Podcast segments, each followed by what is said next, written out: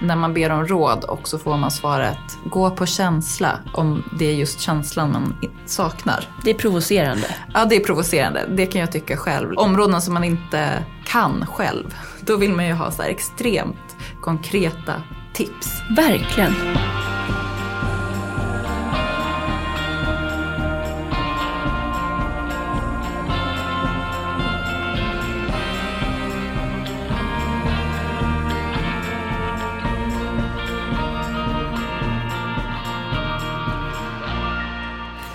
Hej Kattis! Hej Elin!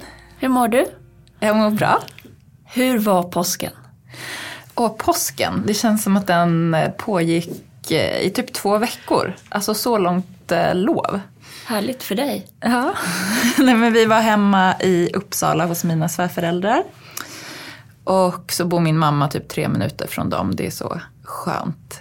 Och eh, det ligger dessutom typ tio minuter från där jag eh, växte upp. Det lilla villaområdet. Eh, Så det var jättemysigt. Det är därför du säger hemma. Hem, ja men precis, för jag liksom gillar egentligen inte Uppsala. Hemma är ju i Stockholm för mig verkligen nu. Men just eh, den här påsken så kände, alltså jag tänkte så mycket på Tänkte på barndomen och vi var hos eh, mina grannar där vi alltid var när jag växte upp. Och min så äldsta kompis som jag känt sedan jag var ett var där med sin lilla bebis. Och vi satt på verandan som vi alltid gjorde när jag var liten. Och, ja, men det var jättemysigt. Och så tänkte jag verkligen på det här med grannar, hur viktigt det är. Ja. Jag menar så att man, liksom, man behöver ju inte umgås med sina grannar eller älska sina grannar. Men att man ändå typ säger hej och får en, någon slags känsla ändå av så här community. Mm. Ja, för grannar kan man ju inte välja. Det är ju som med släkt, alltså familj och sådär kan du inte heller välja. Förutom Nej. den du gifter dig med. Precis. Men där ni bor nu, trivs du med grannarna? Ja, men jag trivs jättebra med grannarna. Det är ju liksom typ 50 barnfamiljer känns det som. Så jättemycket ungar överallt. Eh, och det är jättehärligt och lite påfrestande. Och bäva lite grann för att de ska bli tonåringar allihop sen. Ja. Men vi har också så här, vi har en granne som är 99 år och som bara är så cool. Hon är ute och går liksom på isen med sina stavar och broddar och skottar snö och liksom bara började måla akvarell när hon var 88 typ. Alltså så Inspirerande. inspirerande. Ja. Ja. ja, vad härligt. Så du är lite bunkrad med, du är jordad från Uppsala slätten. Ja, men jordad är nog eh, rätt ord. Ja, härligt. Du då, hur, hur har din påsk varit? Jo men den, den har varit härlig. Vi har hållit på och jobbat massor i trädgården. Åh, just det, ni har ju en helt, er trädgård är typ en jordhög? Ja, hur är precis. statusen? Statusen är att när vi köpte huset så såg vi verkligen potentialen i den här trädgården. Eh, som någon har odlat liksom, upp saker från 60-talet och framåt. Och det har tagits som hand delvis och annat har liksom blivit vilt och ligger där under massa murgröna. Sen Ah. när man renoverar så blir det ju tyvärr, eh, det är svårt att skydda liksom, tomten. Jag har verkligen försökt, jag tog hjälp för att eh, flytta på växter och sånt där och sätta dem i Ah. en transitrabatt. Men nu var det liksom, nu tar vi tag i det här med trädgården. Ja. Så jag har beställt grus och makadam och donat och klämt fingrar och har fått- så sjukt ont i kroppen. Ja, men ändå skön Jätteskönt. Men typ. jo, men jag älskar det. Jag älskar att ta i så att, att man blir svettig. Mm. Men jag, jag blev lite så här, är det här för att jag är gammal? För att alltså, jag hade så ont. Jag har fortfarande ont i typ nacke och ena där jag har skyfflat sten. Ja, men du hör ju, skyfflat sten. Mm, det är Men sant. Hur, jag måste bara fråga eftersom jag också har en väldigt liten, liten trädgård. Ehm, har ni tagit någon hjälp i designen eller har ni gjort allt själv? Nej, alltså i början av projektet så hade jag storslagna planer och Alex eh, hakade på såklart. Men trädgården har, är nog, ligger nog lite närmare mitt hjärta. Liksom. Och då vill jag ha in en landskapsarkitekt och det skulle vara, eh, ja. Och Vi hade en tjej som hette Julia Glanselius. Hon finns på Insta. Hon var förbi och tittade och, och, och liksom, vi skulle initiera det här samarbetet. Sen blev hon gravid och mådde jättedåligt och vår budget liksom bara brakade. Så att, Ja. eh, det var okej. Och sen har jag haft också Niklas Svante Ökvist, min gamla chef. Ja. Niklas är eh, alltså min trädgårdsgud. Ja, gud. Och det är de, så bo, fint. ja, det är, de bor i ett gult 60-talshus. Och det är eh, hela trädgården och huset det liksom pratar samma språk på något sätt. Så vi fick dels förra sommaren vara och hälsa på dem för att få inspiration. Och sen har Niklas varit hos oss ett, ett varv också. Ja, men gud vad lyxigt. Det är ju Walter Bauer som har gjort eh, mitt område också. Ja. Landskapsarkitekturen. Ja, Som har gjort deras trädgård, Ja. Svantes och Niklas. du har koll. Det tycker jag väldigt mycket om med dig. Ja, men det är för att jag har fått lära mig av Svante. Ja. Vi jobbade ihop när de köpte det där huset. Magi. Mm, verkligen magi. Ja, nej, men så att jag har eh, varit hemma mycket och mina barn har varit hemma mycket och vi är nya Saltisbor. Ja, just det. Och då kunde vi konstatera att ingen är hemma på påsklovet. Ja. Alltså ingen. Ja. Alla åker till fjällen eller Alper eller är någon annanstans. Jag har började tänka på att jag eh, väldigt gärna skulle vilja ha ett eget rum. Alltså jag började tänka på Virginia Woolf. Ja. Och inte bara ur ett så här feministiskt perspektiv eh, utan eh, att det vore härligt att bara ha någonstans där man kan stänga in sig. Ja, tycker det låter som en ganska naturlig reaktion på typ ett påsklov. Med sin familj menar du? Ja, Ja, nej men jag, jo, du kanske är lite spot on där, men kan du inte känna igen dig i det här med att vilja... Jag förstår att det också låter otroligt sorgligt att vilja ha ett eget sovrum. ja. Är det just ett sovrum som du känner så här, det, det är det jag vill ha? Nej men jag vill bara ha ett rum som det- ska vara en härlig säng som bara är min och ett skrivbord som står precis framför ett fönster. Ja, gud. Ja, nej men jag fantiserar absolut jätteofta om ett eget rum, fast kanske mer typ en egen lägenhet. Ja, ja du levlar upp. Ja, jag vet inte. Jag, jag vill nog inte ha ett eget rum hemma i vårt liksom gemensamma hus, men jag skulle absolut vilja ha så här en egen liten tillflyktsort. En lägenhet i stan eller typ takåsarna i Paris. Du återvänder till takåsar. Ja, det, jag tror att det här är liksom någon gammal fantasi från när jag var liten. Mm. Det kommer säkert bli så till slut då. Ja, till slut. Nej men, men, nej men det låter väl på något sätt både vettigt och uh, sympatiskt för det är något med att jag skulle ha mitt egna rum hemma känns konst, alltså det känns ju stört. Ja, jag vet inte. Jag, jag är liksom uppväxt med så här, mm, ingen fick låsa, knappt när man var på toaletten. Och då, då känns det plötsligt som att det är så här ett superstort statement Ja. att ha ett eget låst rum hemma. Att det skulle vara så här, ja, jag vet, det kanske bara är typ min pappas regler som spökar. Jo, men det där har jag tyckt varit överhuvudtaget med stängda dörrar och så är ju en chock när man får barn. För att eh, det spelar ingen roll, jag kan till och med låsa toadörren och de öppnar den med ett mynt för att de vill prata med mig om något. Ja, alltså det har jag gett upp. Jag tror inte jag varit, alltså det är väldigt sällan jag är på toaletten själv. Ja. Det har min man liksom lyckats hålla. Han kan gå på toa utan att det står två bankandes ungar utanför. Den liksom gränsen har han lyckats hålla men det har inte jag. Jag tror att det luktar äckligare när han är där. det är därför. Ja, Hilma har faktiskt börjat gå ut. Ja.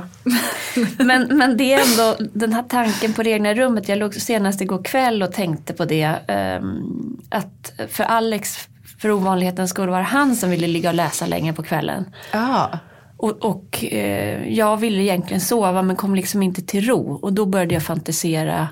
Men det kändes liksom som att jag var lite otrogen i att jag tänkte på ett eget rum. ja men är det inte dessutom den egna sängen Jo. som liksom bidrar med otrohetskänslan? Ja, och att, det, och att det kopplas till att man då inte skulle ha sex någonsin mer typ. Men du vill ju inte ha det där egna rummet. Du vill ju inte gå och lägga dig där varje kväll. Nej, absolut inte. Det är väl som alla andra mina de här äh, Åh, gud vad jag vill vara själv och så fort alla har åkt så bara Hallå? Ja.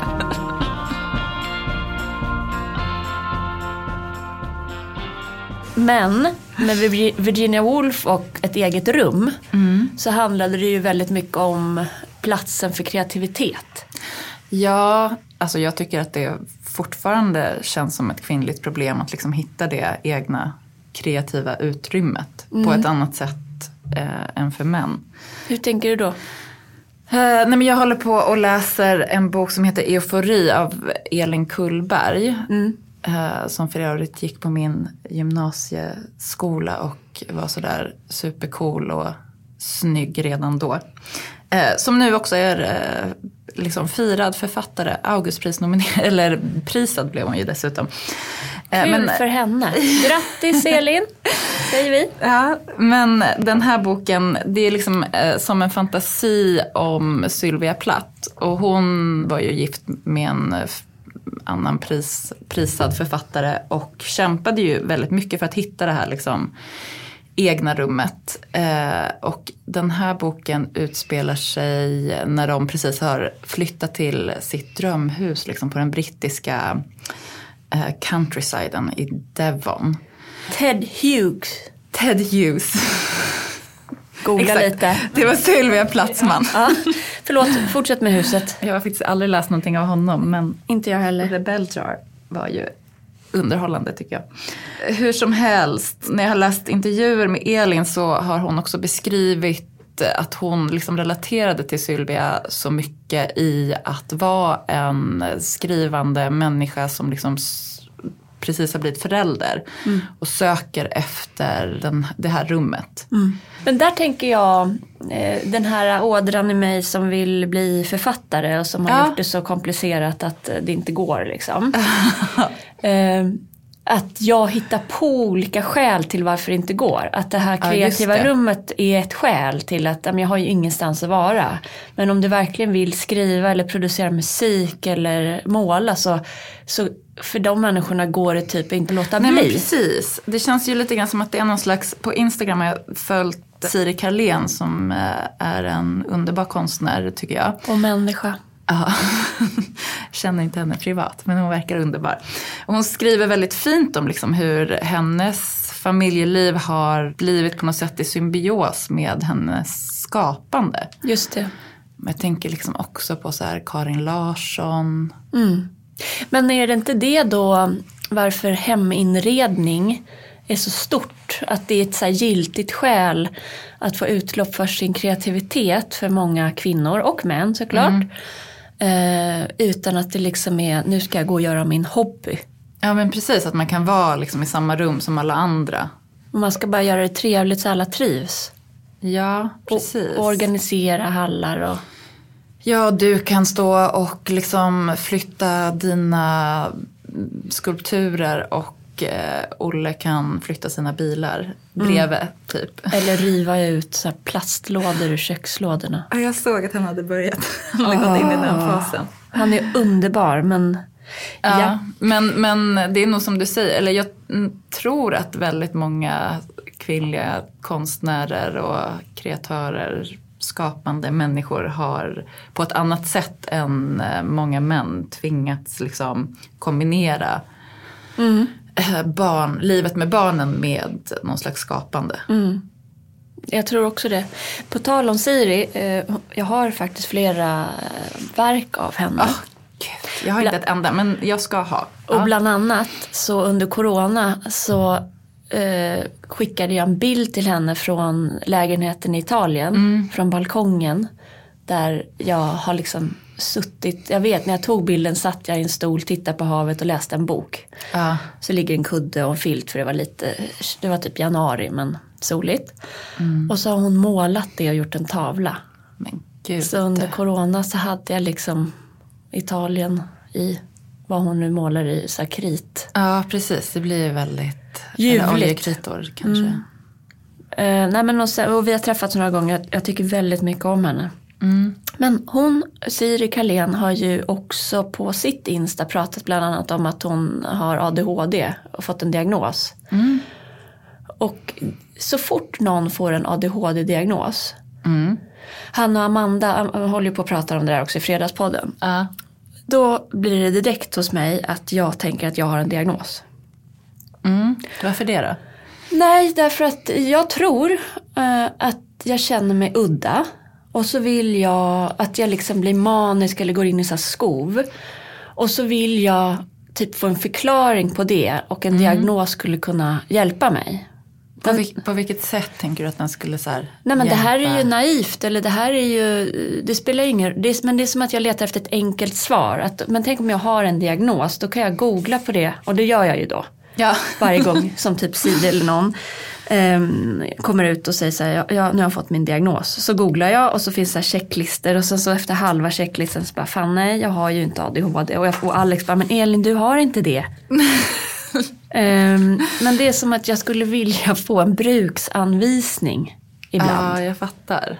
Men du och jag känner ju inte riktigt varandra. Nej. Har du tänkt att jag ska kunna ha en diagnos? Ärligt, Alltså, det där betyder jag. nej men jag har tänkt just på de här skoven. Och kanske att det är någon slags gränslöshet. Vilket ju liksom var, är fantastiskt för annars så skulle inte vi sitta här idag. Du hörde ju ändå av dig till mig mitt i natten utan att vi känner var- varandra. Ja, och här är vi nu. Och här är vi nu och liksom utan den, ehm, jag vet inte om man ska kalla det för manisk ådra eller eh, jag har vänner som är bipolära och då, är ju, då skulle ju det här vara liksom ett maniskt skov. Då följs ju det av liksom en, kanske en väldigt djup depression. Tror du att jag är det bli. Nej jag vet inte. Jag har, inte sett, jag har ju bara sett den, i så fall den ena sidan av den diagnosen. Men jag menar utifrån, så här, vi lärde känna varandra via eh, internet och jobbsammanhang. Ja. Har det, tanken någonsin slagit dig då? Nej, verkligen inte. Nej. Tänkte att du är så här, trevlig person. Mm. Proffsig. Sen dök det upp Sen kom ett nattskov. i mina, inte DM, så heter det, vi har ju flyttat över till, eh, till sms. Ja, det är mysigt. Ja, men det är mysigt, men jag blir ju, kan ju också bli likadan att jag bara så här, oj nu fick jag en idé om att vi ska göra ett tv-program. Då blev jag så glad, för det kändes som att när det där smset kom, Ja. det är för övrigt klockrent format. Mm. Nej, men vi får se, varenda gång en, en kreativ människa kommer in någonstans i mitt liv så kommer jag försöka se om det är den diagnosen som den eventuellt då har. Jag har, jag har en kompis som är, också letar diagnoser på alla. Hela tiden. Och då kan jag känna så här, nej men jag tror verkligen inte att jag har en diagnos. Jag tror absolut, jag är liksom labil i humöret och kan liksom må dåligt eller och har varit utbränd. Liksom. Det är väl någon slags utmattningsdepression då kanske. Men jag tror faktiskt inte att jag har någon, jag tror inte jag kvalificerar in på någon diagnos. Jag kan inte heller pricka av alla punkter på någon lista. Nej. Jag tror att jag kommer fram till att alltså för varje gång jag gör sådär. Alltså, men Elin du behöver ingen diagnos som säger hur du funkar och är. Utan det är bara att lära dig att eh, okej jag har de här kreativa skoven som kommer. Och sen blir jag trött och jag måste sova för att återhämta mig. Då sover jag. Och sen är, är det mycket och hög, liksom intensivt. Och sån är jag. Ja men precis. Kan man inte bara få vara sån? För jag, jag kan också vara så liksom. Supersocial, jätteproduktiv och sen så bara så här, nej den här helgen vill jag bara ligga i ett mörkt rum. Och det är liksom okej. I ett eget mörkt rum. Ja då vill jag fan vara i min lilla lägenhet under takåsarna. Och äta ostbågar i fred. Älskar ostbågar.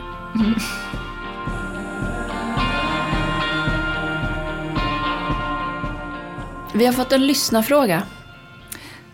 Vill du, ha, vill du höra? Ja det vill jag jättegärna. Vad glad jag blir. Jag vet. Och, och för dig som lyssnar, om du har en lyssnarfråga som du vill ta upp här i programmet. då kan du ju skriva DMs till oss på Hemtrevligt-podden på Instagram. Va- Ja absolut, gör det. Gärna. Vi kommer definitivt svara. På något sätt. På något sätt. Karin från Stockholm skriver så här. När man har de rätta trivsamma möblerna, färgerna och utvalda småprylarna och det mysiga huset men ändå inte får det hemtrevligt, vad gör man då? Vissa människor får ju stök att kännas hemtrevligt och fint. Men en annan kan inte ens få trevliga saker att bli mysiga. Åh. Ja, nu var hon lite sj- självkritisk här tror jag Karin. Ja, det låter det ju verkligen som.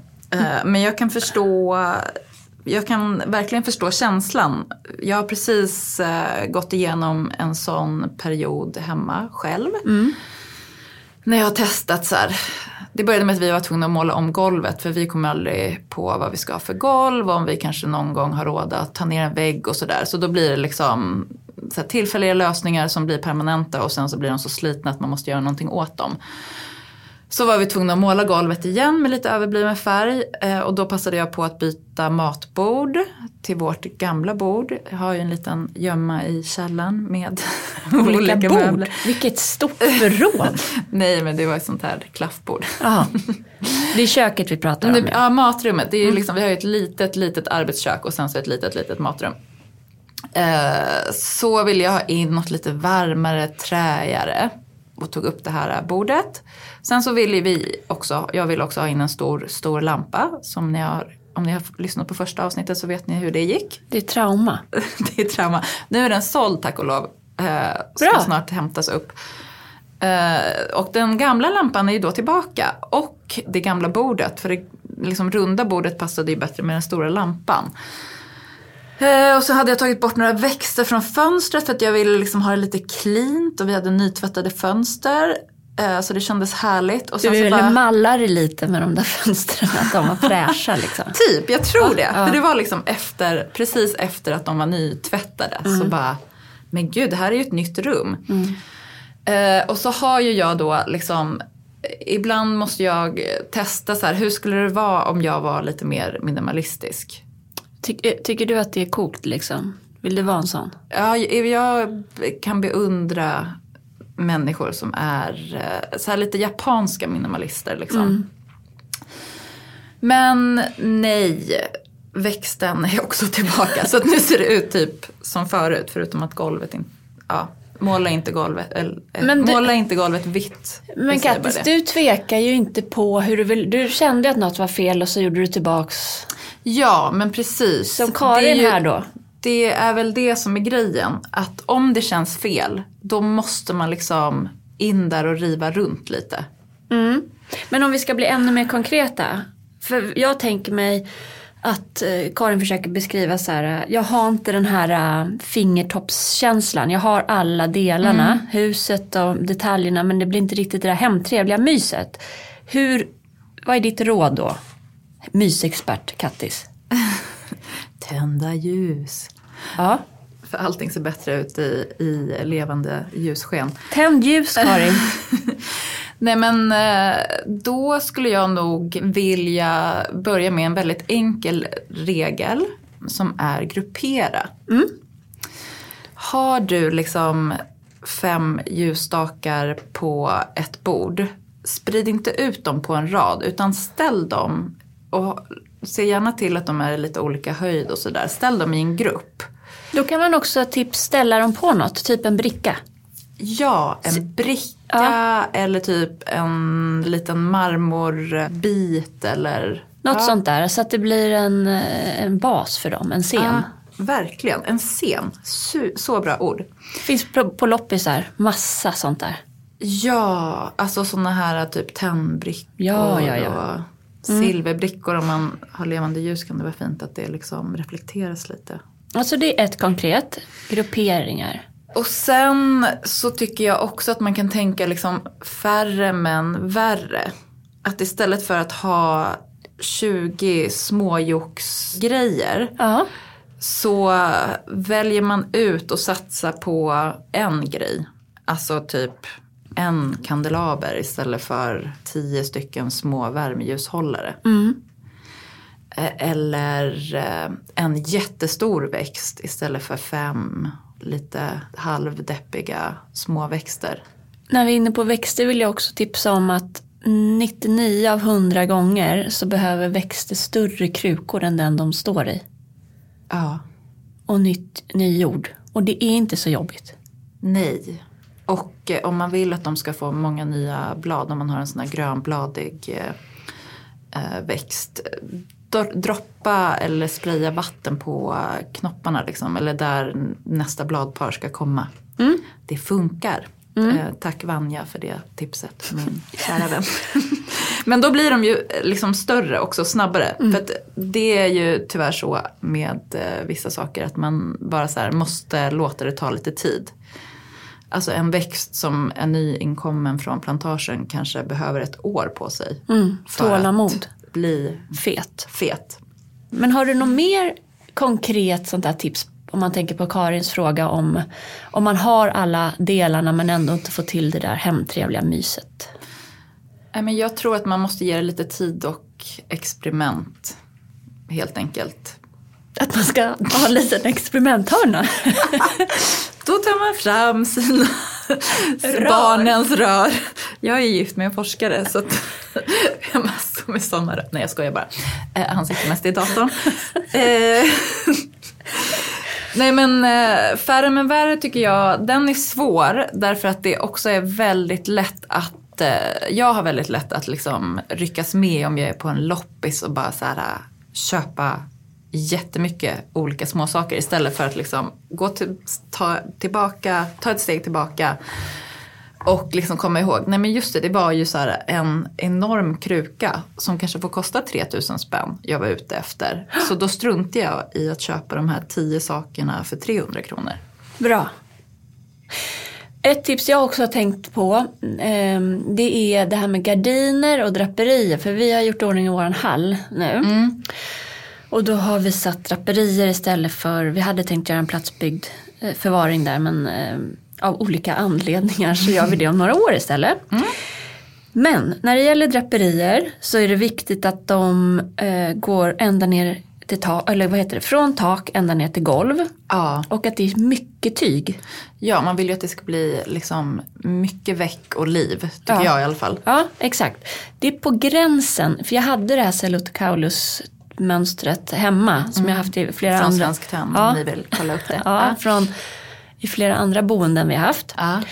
Så det var, kändes som en skatt att det låg hemma hos oss i en kartong. Och så kunde vi sätta upp det. Men det är precis på gränsen att det är typ en våd för lite. Men, men det är okej. Men det är en sån där hemtrevlig grej. Ja, men det är ju också lite färre men värre. Ja. Alltså tänk framförallt då värre. Tryck till alltså. Ja, samma sak med, jag älskar ju tavelväggar. Maxa på. Ja. ja. Eh, vi hoppas att det här kan vara lite råd på vägen. Jo, men eh, apropå hall och förvaring och sådär. Så är ju den, det är ju faktiskt fundamentalt att man har ordentligt med förvaring. Öppen förvaring för det fina men också stängd förvaring för det som inte är så vackert. Eller typ lådor till barnens leksaker. Så att man väldigt lätt kan liksom städa undan. Eller så kan det vara att allt är dolt. Alltså i en hall. Ja men i en hall ja. Jag tänkte generellt i huset Ja. i stort. För jag, jag, tyck, jag tycker det ändå är så här. Man ska tänka igenom det i varje rum faktiskt. Det är smart. Vi har stora korgar. På tal om färre men värre. Alltså stora korgar. Ja. Som mycket får plats i. Mm, vi har små lådor men det är för att de Går in någonstans går under. in under bokhyllan. Precis. Ja men då blir det en enhet. Ja exakt. Det är Mm. det som, då tänker man inte på den. Nej. Nej men förvaringen i hallen den blev otippat bra. Ehm, därför att där tänkte vi ju funktion när vi gjorde ordning hallen. Att, eh, man, må- det är såklart man gör det. Men nu, Om man har möjlighet. Om man har liksom. möjlighet. Ja. Eller Men- även om man inte har möjlighet. Vi har världens minsta hall men vi har ju försökt göra den så funktionell som möjligt. Ja, Men det är så uppenbart att på 50-talet så ägde alla ett par skor och en jacka per säsong. Och det gör inte vi. En sund påminnelse. Ja det är det verkligen. Det är det definitivt. Dagligen. Ja. Nej, men vi har en bänk när man kommer in direkt till höger. Så att man ska kunna sitta och ta på sig skor eller hjälpa barn. Ja. Och sen som jag nämnde så hade vi tänkt bygga en så platsbyggd förvaring i engelskt röd som skulle vara där. Oh, engelskt röd. Mm, den är liksom lite, vad heter det? Ja, Fattar du vad jag menar? rostig. Lite rostig. Ja. Men eh, vi, har- vi har inte råd med det just nu. Så då åkte vi till Bauhaus och köpte så här Elfa-system. Och det blev svinbra. Alltså jag älskar Elfa. Vi har det i vardagsrummet. Och där har vi liksom, arkitekturen är lite asymmetrisk men den har liksom, vi har kunnat placera den så att den svävar på precis rätt ställe. Vad härligt. Ja men det är jättehärligt. Det är också så här, min pappa gick bort för några år sedan men um, han hann med typ ett år eller något sånt i vårt hus och då, han var ju liksom våran fixar Jocke, han visar kärlek genom att liksom hjälpa till praktiskt. Mm. Uh, så den hyllan har han satt upp och det tycker jag är så, det är så mysigt för det känns också som att den verkligen är en del av huset. Ja, jag förstår det. Hur gick han bort? Uh, han fick en stroke och var dålig i några månader, alltså jättedålig. Ja. Fast man lever ju på hoppet. Har du kommit, har du kommit vidare i det där? Är det över? Alltså jag tror väl inte att blir det liksom, går det över? Döden är liksom, den är ju eh, oändlig på något sätt. Eller evig. Men har du förstått att han inte finns längre eller vill du ringa honom? Men det är nog, när du säger det så var det faktiskt, det var ganska länge sedan som jag hade den spontana liksom, instinkten att ringa honom. Nu på påsken till exempel så, jag var förbi minneslunden där han ligger. Men eh, annars tidigare med högtider så har jag kunnat vara så här, ja oh, men vi måste ju skicka en bild till pappa. För han var också, vår relation var liksom, vi hördes inte dagligen och sådär. Så att det tog, jo, men det tog lång tid innan jag eh, fattade att det inte bara var som vanligt att vi inte hade hörts på en vecka. För det kunde ju absolut gå två veckor utan att vi hördes. Mm. Fint med hyllan då? Ja men det, det är fint. Det känns, eh, ja men det är liksom ett fysiskt minne på något sätt.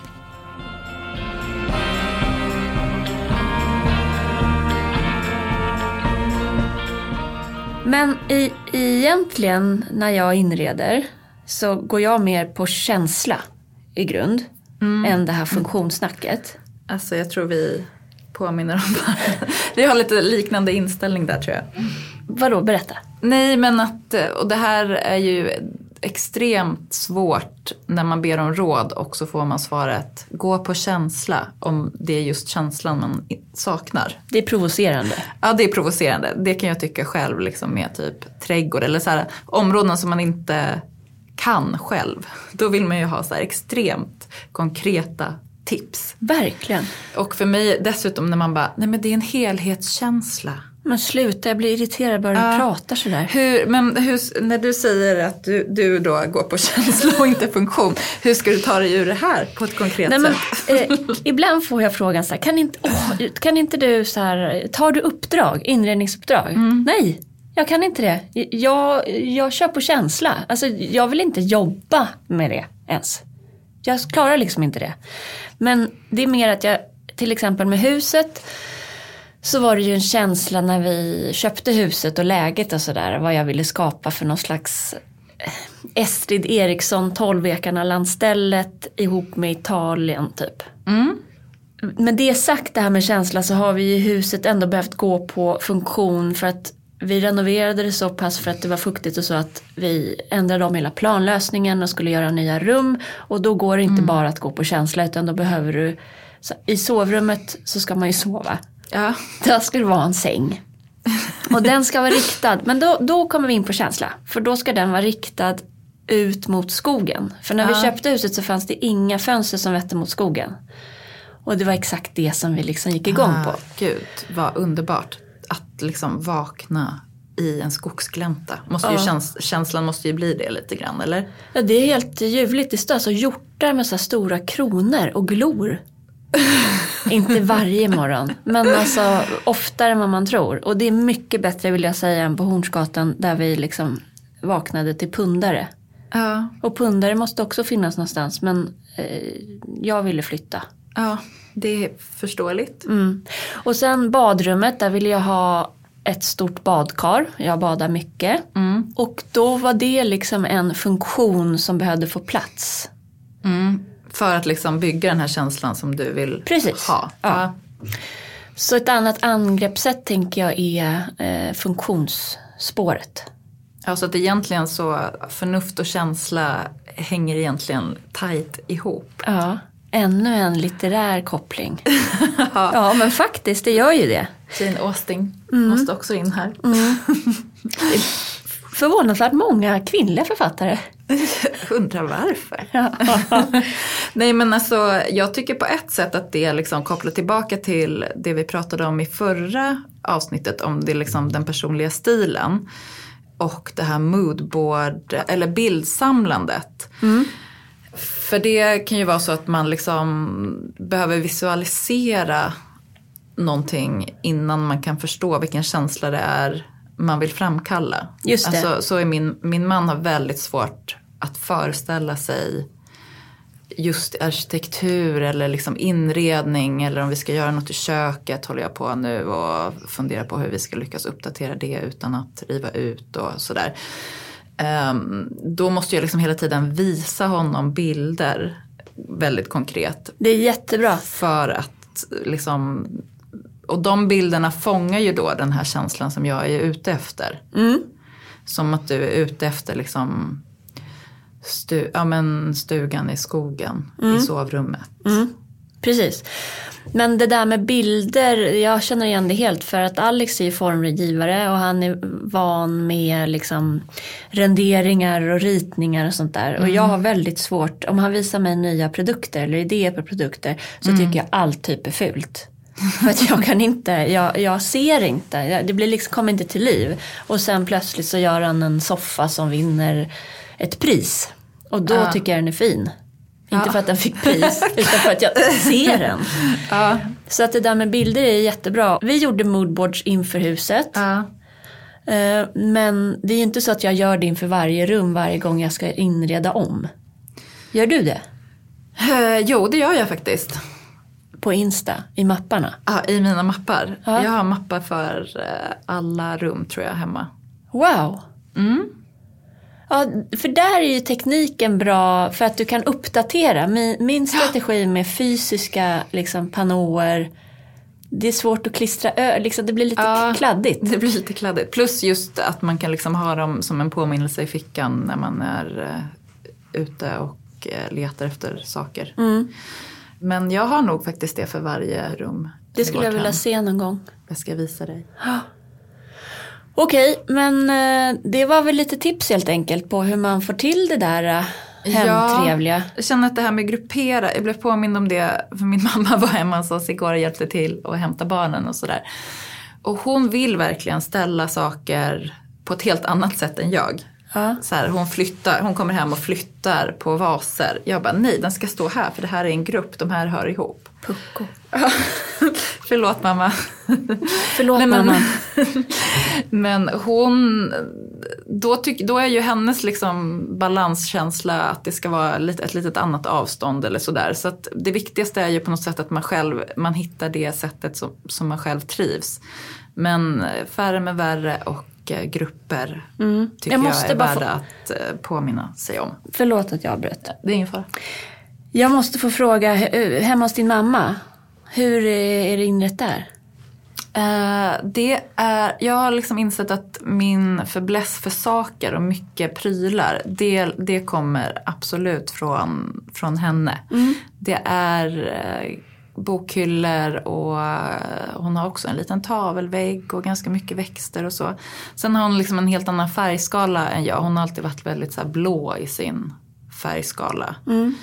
Ehm, och har mer starka, så här, lite röda och så. Jag är just nu ganska, Beige. försöker ju hålla någon slags neutral bas och köra färg på konst och sånt istället. Ehm, men Men kan- tänker jag att jag kanske ska måla golvet rosa, det är min senaste idé. Gör Inte knallrosa, men, men någon slags lite peachy pink. Jag tycker det låter jättekul. Men kan du se hemma hos din mamma att hon har där sin balans?